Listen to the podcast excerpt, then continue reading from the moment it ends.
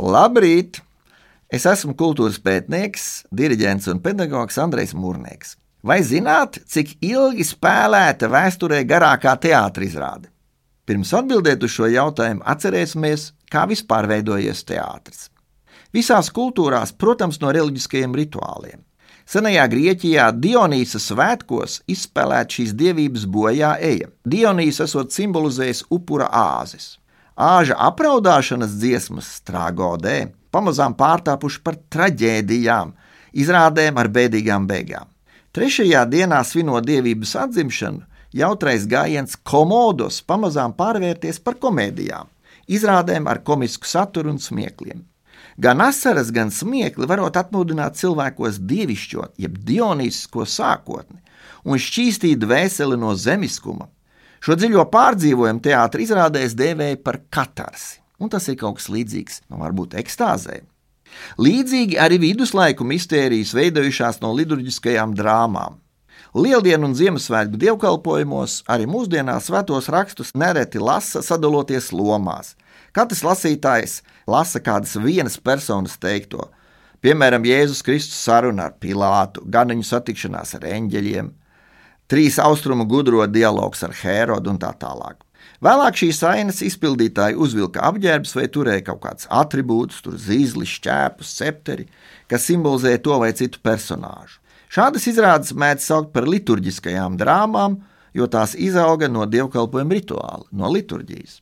Vēlāk reliģiskas teātris izrādes sāk rīkot pie baznīcām, pilsētu laukumos, un tos jau sauc par mistērijām. Mērķis ļoti līdzīgi kā senajā Grieķijā - morāla attīrīšanās, garīgs pārdzīvojums. Bija dažādi izrāžu paveidi. Mirakls izrāda, kurā kādu dramatisku problēmu atrisina kāds brīnums, vai moralitē izrāda pamācību, kurā alegoriski tēlot cilvēka netikumi un tikumi. Pirmo šādu veidu izrādi esot sacerējusi sieviete mūķene, klostermās Hildegarde no Bingenes, arī komponiste, mūziķe, dzēniece, mistiķe un pat zinātniece sava laika neparasta sieviete. Bet kā tad ar tiem izrāžu garumiem? No nesenākas pagātnes ilguma ziņā iespaidīgs ir vācu komponista Rahāda Vāgnera piedāvājums, starp citu, kurš dzīvojis vismaz divus gadus Rīgā. Viņa opera ciklu Nibelungu gredzens veido četras izrādes, kuras jāskatās četru dienu ilgumā. Taču viduslaiku ļaudis ir pārsnieguši Vāgnera rekordu. Izrādes rīkošana, piemēram, Jorkas pilsētā, esot prasījusi 48 mēģinājumus. Šajā izrādē ir piedalījušās 49 organizācijas. Dažkārt tās ilga vairākas dienas. Kādā izrādē ir bijušas 38 sainas, 50 tūkstoši pantu, 242 darbojošās personas, un tās izrādīšanai bija nepieciešamas 25 dienas. Nu ko, rīkojam arī Rīgā.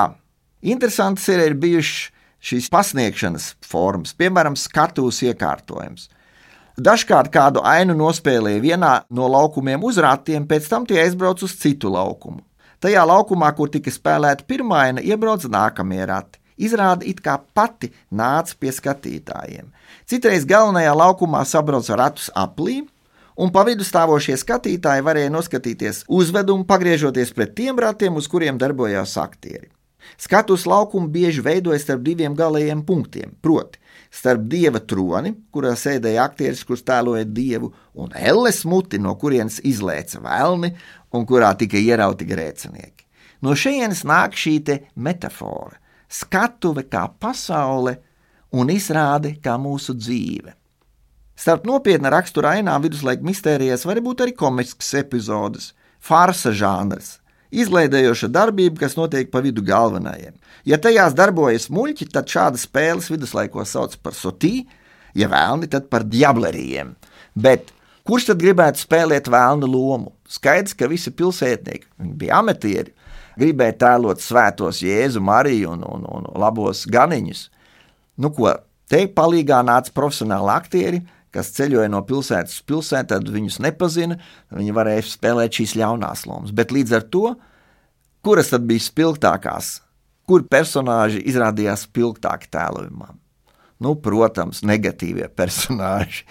Līdz ar to galu galā baznīca šīs izrādes aizliedz. Bet teātris pārceļās uz privātām mājām, privātām sētām, var teikt, jā, un tas ir Šekspīra teātris. Teātris turpina attīstīties, bet paliek jautājums, kāpēc grotesko, komisko un zemisko vieglāk atveidot nekā cēlo, cildeno un diženo.